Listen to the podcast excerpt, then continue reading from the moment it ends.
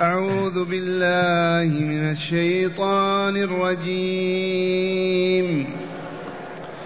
ما جعل الله لرجل ما جعل الله لرجل من قلبين في جوفه وما جعل أزواجكم اللائي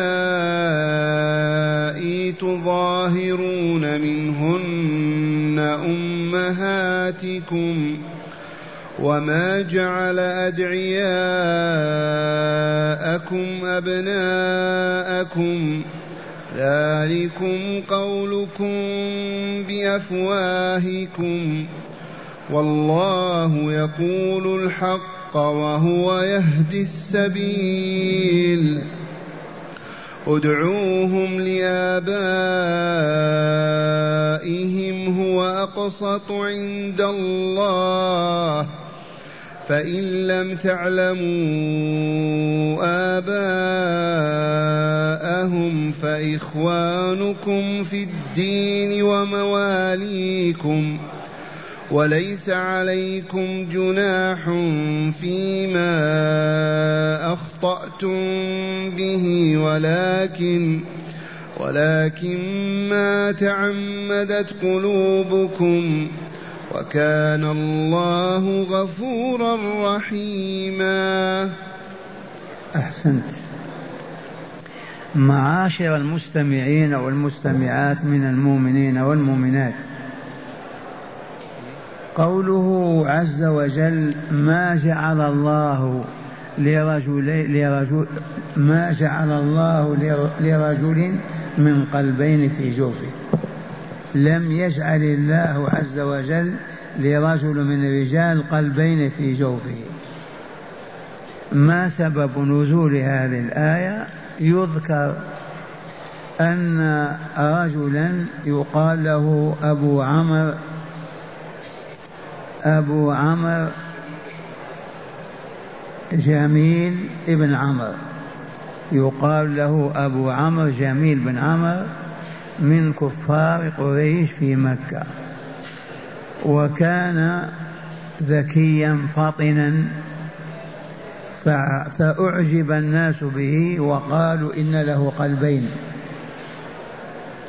واغتر هو وانخدع وقال نعم أنا لي قلبان.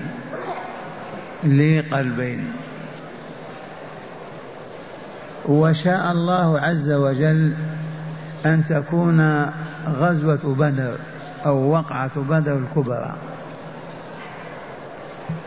وجاء هذا أبو عمر جميل ابن عمر يقاتل. فانهزم مع من انهزموا فرآه أبو سفيان رضي الله عنه وهو يجري هاربا وفي يده نعله نعل في يده وأخرى في رجله. من شدة الهلع والفزع والخوف نزع عليه أخذ نعلا جعل في يده والأخرى ترك في رجله. فرآه أبو سفيان يجري هاربا ما لك يا ذا القلبين. أين قلباك؟ ما لك كيف القوم؟ قال انهزموا. كيف أنت نعل في يدك وأخرى في رجلك؟ هذا هو ذو القلبين أبو عمر. كذلك بعض المنافقين وكانوا كثيرين في المدينة في السنة الأولى والثانية من الهجرة سهى يوما الرسول صلى الله عليه وسلم في صلاته. فتحدثوا فيما بينهم وقالوا لمحمد قلبان. قلب كان في الصلاة وقلب صرف عنها المهم شاعت هذه النظرية الباطلة. فاجتثها الله من أصلها وأبطلها. فقال عز وجل ما جعل الله لرجل أبيض ولا أسود في الأولين أو في الآخرين من قلبين أبدا. وهو كذلك. لو جعل لرجل قلبين لفتة قلب يأمره وقلب ينهاه يضطربان. قلب ينهى وقلب يأمره قلب يفرح وقلب يضحك يبكي كيف يتم؟ من تدبير الله عز وجل وقضائه في عباده أن جعل للإنسان قلبا واحدا. ولكن هناك ملك وهناك شيطان. للملك لما فيقول الخير ويعرفه وللشيطان لما فيقول الشر ويعمله. بهذا أخبر النبي صلى الله عليه وسلم. فقال تعالى مبطلا لهذه النظرية الباطلة ما جعل الله لرجل من قلبين في جوفه. هذه المسألة الأولى. والثانية وما جعل أزواجكم اللاتي تظاهرون منهن أمهاتكم. في الجاهلية العرب في مكة وخارج مكة كان أحدهم إذا قال لزوجته أنت كأمي تحرم عليه يجعلها كأمه. عادة باطلة شائعة منتشرة بين العرب. إذا قال الرجل لزوجتي أنت كأمي تصبح في نظره كأمي. لا يحل له أن يطأها ورفعت القضية إلى رسول الله صلى الله عليه وسلم في سورة المجادلة. قد سمع الله قول التي تجادلك في زوجها وتشتكي إلى الله والله يسمع تحاوركما. إن الله سميع بصير. الذين يظاهرون منكم من نسائهم ما هن أمهاتهم؟ إن أمهاتهم إلا الله ولدنهم وإنهم ليقولون منكرا من القول وزورا وإن الله لعفو غفور. وبين تعالى الحكم. من قال لامرأته أنت كأمي لن تكون كأمي أبدا بل هي زوجته وعليه كفارة مقابل هذه الكلمة الباطلة التي اشترى عليها وقالها هذه الكفارة بينها تعالى بقوله والذين يظاهرون من نسائهم ثم يعودون لما قالوا فتحرير رقبة من قبل أن يتماسى قبل أن يرجع إليها ويجامعها يعتق رقبة إن وجدت الرقبة وقدر عليها. ما وجدت الرقبة ما استطاعها لأن ثمنها غالي إذا يصوم شهرين متتابعين ويأتي زوجته. عجز عن الصوم ما استطاع يطعم ستين مسكينا. لكل مسكين كيلو رز أو دقيق أو تمر ثم يعود إلى زوجته. هذه في صورة المجادلة. أما هنا إشارة إليها فقال تعالى كما لم يجعل للرجل قلبين كذلك لم يجعل من أزواجكم اللائي تظاهرون منهن أمهاتكم. لن تكون أمك أبدا. ولو قلت ألف مرة أنت أمي أنت أمي أو أنت علي كظهر أمي لن تكون أمك أبدا. ولكن أسأت وقلت منكرا وباطلا امسح هذا الذنب بواحدة من ثلاثة. وراجع زوجك وارجع إلى زوجتك. أولا أن يعتق رقبة. ما استطاع ما استطاع يصوم شهرين متتابعين. ما استطاع الصيام لكبار مرضه يطعم ستين مسكينا ويعود لزوجته. ومع هذا لو أنه وقع عليها قبل أن يكفر جاز له ذلك ولا حرج. قبل أن يخرج الكفارة جامعها. وما جعل أزواجكم اللائي تظاهرون منهن ما معنى تظاهرون منهن؟ تقولون أنت علي كظهر أمي. ما معنى ظاهرها؟ جعلها كظهر أمي. أنت علي كظهر أمي. أي محرم علي. ثالثا وما جعل أدعياءكم أبناءكم. كانوا يجد الطفل في الشارع تحت شجرة في ظل في كذا يأخذ يربيه ويقول هذا ولدي ويقال في ابن فلان. ومن هذا زيد بن ثابت زيد بن حارثة رضي الله عنه مولى رسول الله صلى الله عليه وسلم إذ أخذ أسيرا من الشام مع والده في جماعة. ثم بعد ذلك الذي أخذه واشتراه وهبه لعمته خديجة رضي الله عنها. فبقي زيد عند عند خديجة فلما تزوج صلى الله عليه وسلم وهبته إياه وأعطته لرسول الله صلى الله عليه وسلم. فكان يقال زيد ابن محمد صلى الله عليه وسلم. وبقي كذلك في مكة وجاء المدينة حتى نزلت هذه الصورة وهذه الآية. فأبطل الله التبني إبطالا كاملا. فلا يحل لمؤمن أن يتبنى رجلا أو طفلا ويقول ابني وهو ليس بابنه. ومن قال هذا ولدي وهو كاذب فقد حرمت عليه الجنة. وفي رواية قد كفر لقبح هذه القضية. وما جعل أدعياءكم أبناءكم أبدا.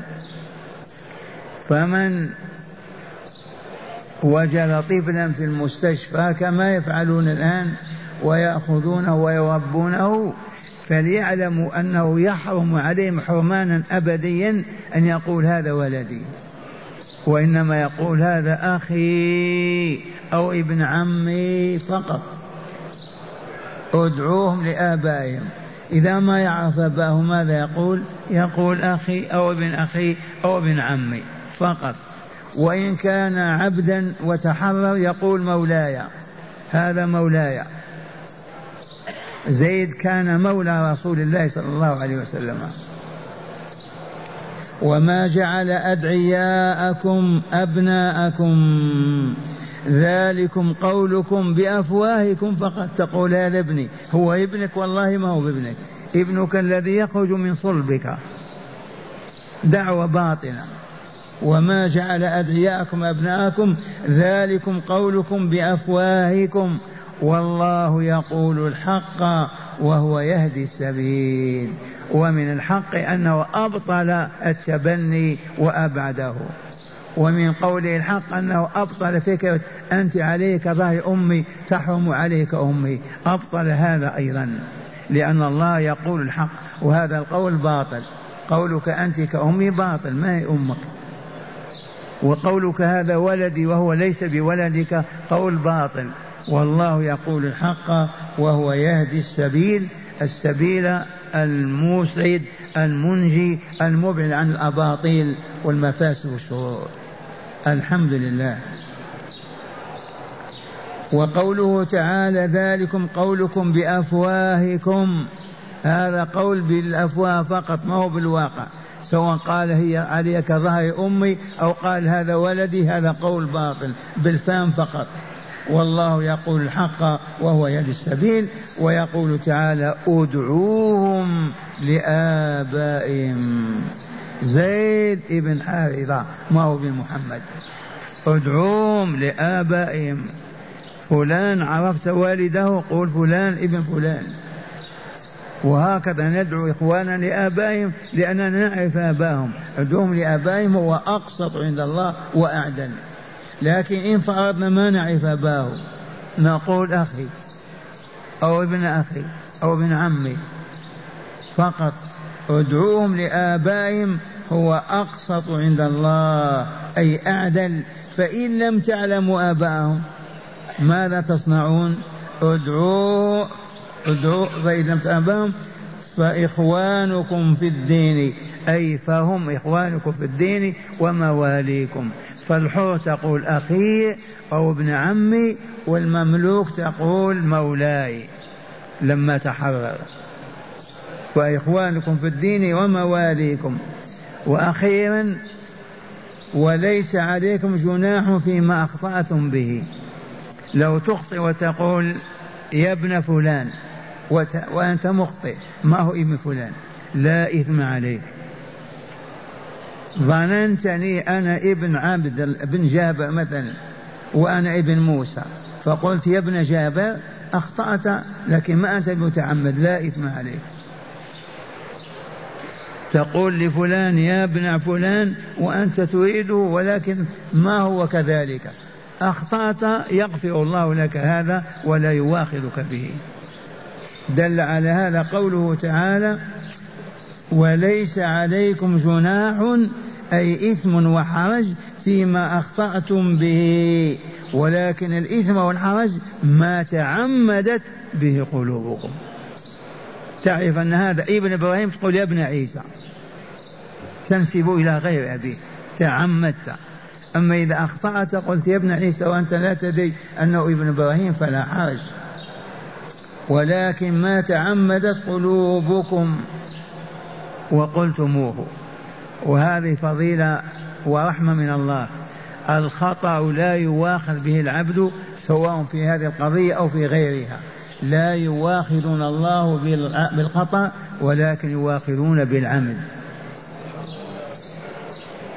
مثلا حلفت قلت والله ما في جيبي شيء وتبين في جيبك شيء وأنت حلفت على أنه ما في جيبك. أخطأت ولكن لا تواخذ على هذا ولا كفار عليك. ولكن يواخذكم بما تعمدت قلوبكم. الذي تقصده وتريده باطن وتقول هذا الذي يواخذك الله به بالعقوبة في الدنيا وفي الآخرة. فهيا بنا نسمع الآيات من الكتاب أيضا. يقول لما كان القلب محط العقل محطة للعقل كمحطة الإذاعة محطة العقل والإدراك كان وجود قلبين وجود قلبين في جوف في جوف رجل واحد يحدث تعارضا يؤدي إلى الفساد في حياة الإنسان. الإنسان ذي القلبين. لم يجعل الله تعالى لرجل قلبين في جوفه كما ادعى بعض أهل مكة. ادعوا ماذا؟ أن أبا معمر جميل بن معمر الفهري كان له قلبان. كان له قلبان لما شاهدوا أو لما شاهدوا من ذكائه ولباقته وحذقه. وغره ذلك هو فقال إن لي قلبين. وأصبح يعرف بذي القلبين. أعقل بهما أفضل من عقل. لي قلبان أعقل بهما أفضل من عقل محمد صلى الله عليه وسلم. لأنه في الجاهلية في مكة في الشرك. فكانت الآية المباركة هذه ردا عليه. قال تعالى ما جعل الله لرجل من قلبين في جوفه وفيه إشارة إلى أنه لا يجمع بين حب الله تعالى وحب أعدائه. الذي له قلب واحد. ما يحب الله ويحب أعداءه. أبدا. لا بد إما الله وإما أعداءه. لأن القلب واحد.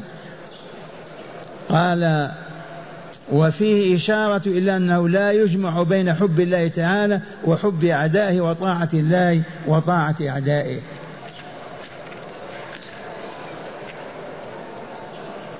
وقوله تعالى وما جعل أزواجكم اللائي تظاهرون منهن أمهاتكم. ما معنى تظاهرون منهن؟ قولوا. يقول لها أنت علي كظهر أمي. أنت كأمي. أي لم يجعل لم يجعل الله تعالى المرأة للمضا المرأة المظاهر منها لم يجعل أما لمن ظاهر منها كأن يقول لها أنت علي كظهر أمي. وكان أهل الجاهلية يعدون الظهار محرما محرما للزوجة كالأم محرم للزوجة كالأم. فأبطل الله تعالى ذلك وبين حكمه في سورة المجادلة. وقد بينا من قال لزوجتي أنت كأمي أنت عليك ظهر أمي أنت كجدتي أنت كابنتي أنت كأختي يعني تحريمها وجب عليه كفارة من ثلاثة أنواع إما عتق رقبة إن وجدت وقدر عليها وإما صيام شهرين متتابعين ستين يوما إن قدر على ذلك. عاجز يطعم ستين مسكينا. كل مسكين يعطيه كيلو دقيق أو تمر مثلا.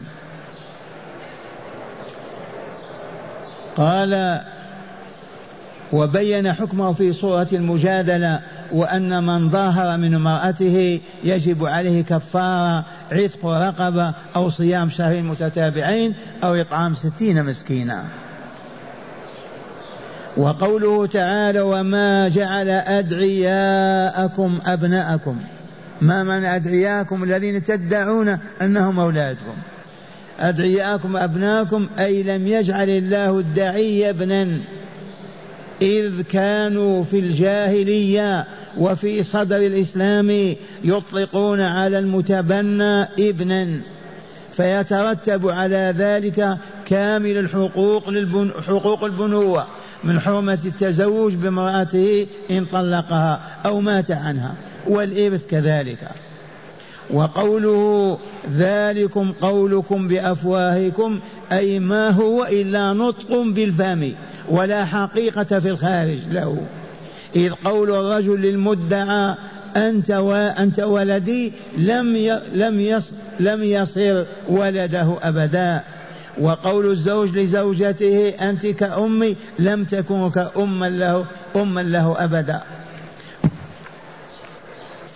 وقوله تعالى والله يقول الحق فلا يطلق على المظاهر منها لفظ فلا يطلق على المظاهر منها لفظ أم ولا على المدعي لفظ ابن.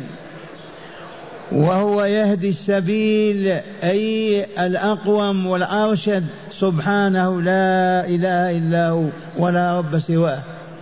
وقوله تعالى في الآية من هذا السياق ادعوهم لآبائهم أي ادعوا الأدعياء لآبائهم أي انسبوهم لهم يا فلان بن فلان إلى أبيه.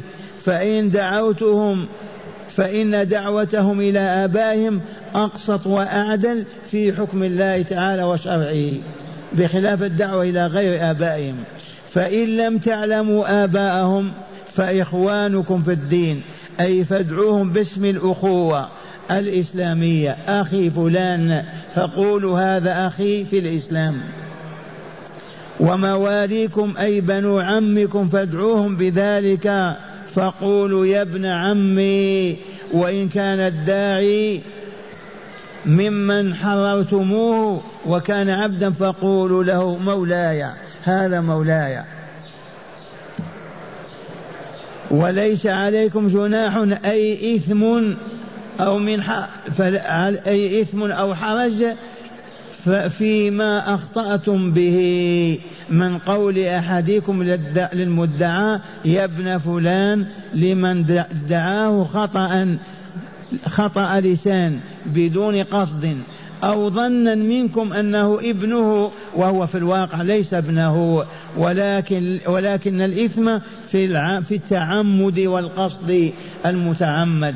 وقوله تعالى وكان الله غفورا رحيما أي غفورا لمن تاب رحيما لم يعاجل بالعقوبة من عصى لعله يتوب ويرجع إلى الحق بعد الخروج عنه.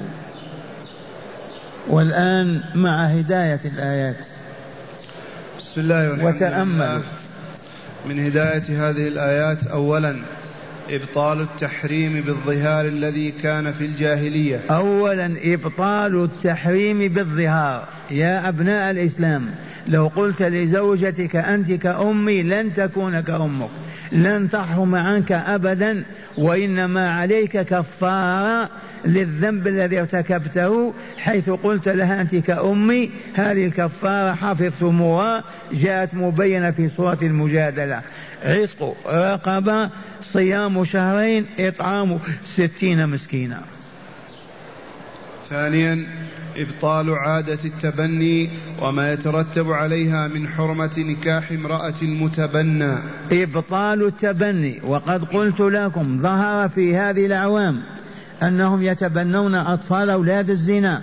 إذا فجرت المرأة وخافت من كشفها تلد في المستشفى وينقلون الولد إلى مستشفى. انتبهتم؟ وبعض الغفلة والجاهلين يأتون إلى المستشفى ويأخذون الأولاد ويتبنونهم. وهذا لا يجوز لا يجوز لا يجوز. أولا الزنا والعه والفجور حرام. ثانيا إن وقع زنا وأنجبت المزن بها ما ترمي ولدها في الشارع بل تتركه في حجرها وتتوب إلى الله وتستغفره ويعرف بابنها ولا أب له. الناس يقولون هذا ابن أخينا فقط في الإسلام. نعم. ثالثا وجوب دعاء الدعي المتبنى بأبيه إن عرف ولو كان حمارا.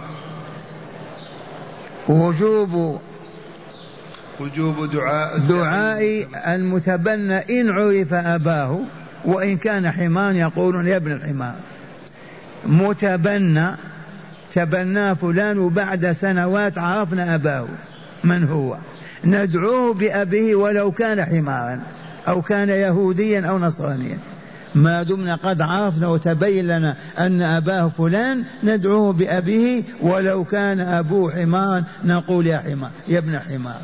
ولا حرج. نعم.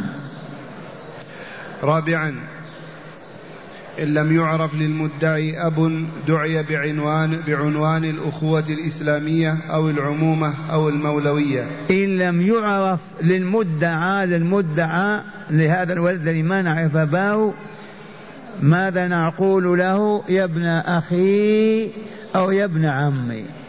هذا ابن أخينا أو ابن عمنا ولا حرج. أما أن ننسبه إلى أب مجهول فلا يصح أبدا. نقول هذا ابن, ابن هذا ابن أخي أو هذا أخي أو ابن عمي. نعم. خامسا وأخيرا رفع الحرج والإثم في الخطأ عموما وفيما نزلت فيه الآية الكريمة خصوصا وهو دعاء الدعي باسم مدعيه سبق لسان بدون قصد أو بقصد لأنه يرى أنه ابنه وهو ليس ابنه. هذه فضيلة من الله ورحمة من الله عز وجل وهو أنه لا يواخذنا بالخطأ. أنت صائم نسيت وتغديت كامل الغداء. صيامك ما يفسد أبدا لأنك أخطأت فقط. ناسي ما أنت متعمد. أنت صائم أخذت حفنة من تمر في فمك ومضغت وأكلتها. ما يضرك ذلك؟ لأنك مخطئ. أنت تصيد فضربت مؤمنا فقتلته. لا تدخل جهنم ولا النار ابدا وعليك فقط كفارة لأنك أخطأت ما تعمدت. وكذلك بالخصوص في هذا في الادعاء إن قلنا يا ابن فلان وأخطأنا ليس علينا إثم ولا حرج لأننا غير قاصدين ولا متعمدين. فرفع الله عنا الخطأ عن هذه الأمة في كل باب من أبواب الحياة وبخاصة في المدعى هذا.